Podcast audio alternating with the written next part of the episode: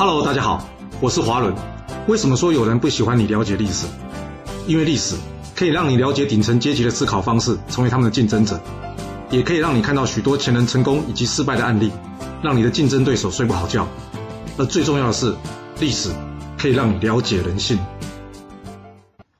我们刚刚在战国第十五集的故事中有讲到啊，这秦国之前派出商鞅出使魏国，然后向魏国低头，两国结盟之后。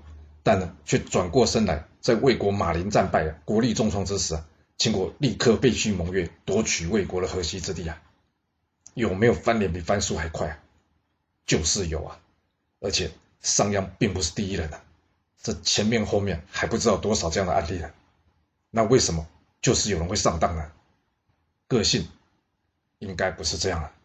要是你有听到前面第十四集呢，商鞅说服魏惠王的过程，你就会知道，啊商鞅告诉魏惠王。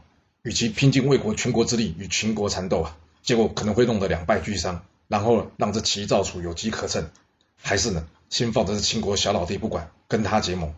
一旦秦魏结盟啊，魏国就可以专心去处理齐赵楚这些问题，这样对魏国比较有利啊。若不用后见之明来看呢，其实当时商鞅的建议的确有几分道理啊。那为什么结果是这样呢？应该要归咎魏惠王运气不好，马陵之战输得太惨吗？要是你是魏惠王，重新一次，你会如何决定呢？或许啊，魏惠王应该要先从风险以及利益衡量的角度来考虑这件事啊。这怎么说呢？其实按照原先商鞅的建议啊，对齐国呢是要联合燕国，对楚国呢则是要联合十二路诸侯。齐国一旦弱了，魏国就可以对赵国施压；而楚国一旦弱了，这魏国呢则可以威逼韩国。但是魏惠王却没有采取这个建议，而是直接选择对付韩国。这韩国原先跟魏国是同盟国啊，这魏国一旦攻打韩国，那不是减损自己的实力来面对后方的齐楚吗？那更糟糕的是啊，他选择正面与齐国一战，先不说之前已经有战败的记录了，他一次重压十万大军啊，他有没有想过，要是战败，这后果不堪设想？很显然的，魏惠王只看到眼前利益啊，而完全没有考虑风险。更糟糕的是啊，马陵战败之后呢，他与公子昂啊同时误判。他竟然天真的以为啊，秦国不会为了利益而背弃盟约啊！其实这是很多成功者会犯的问题啊，因为之前有太多成功的经验，所以对于失败风险控管的意愿就会低了许多。那一旦遭遇失败呢，只能寄托于运气或是对别人的期待啊。风险控制啊，不论是企业或是个人呢，都是非常重要的课题。前面不是有说过吗？秦孝公河西战胜，结果怎么样？道歉认错。这原因就是因为他知道。要是他去收取这个战果，风险太大，所以他宁愿放弃这战果，甚至可以暂时忘杀父之仇。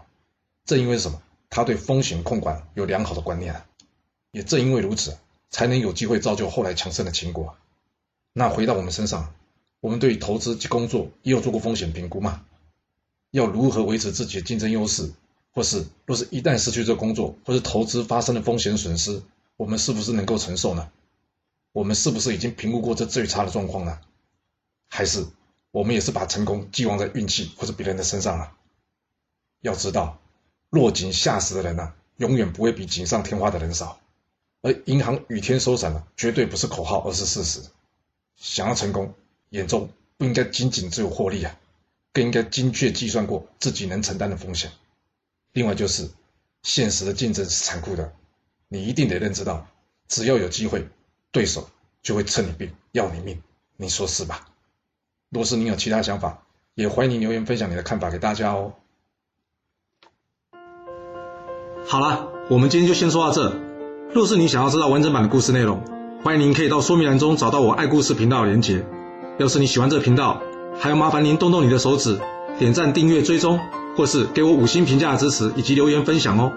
谢谢您来收听，我们下次再见。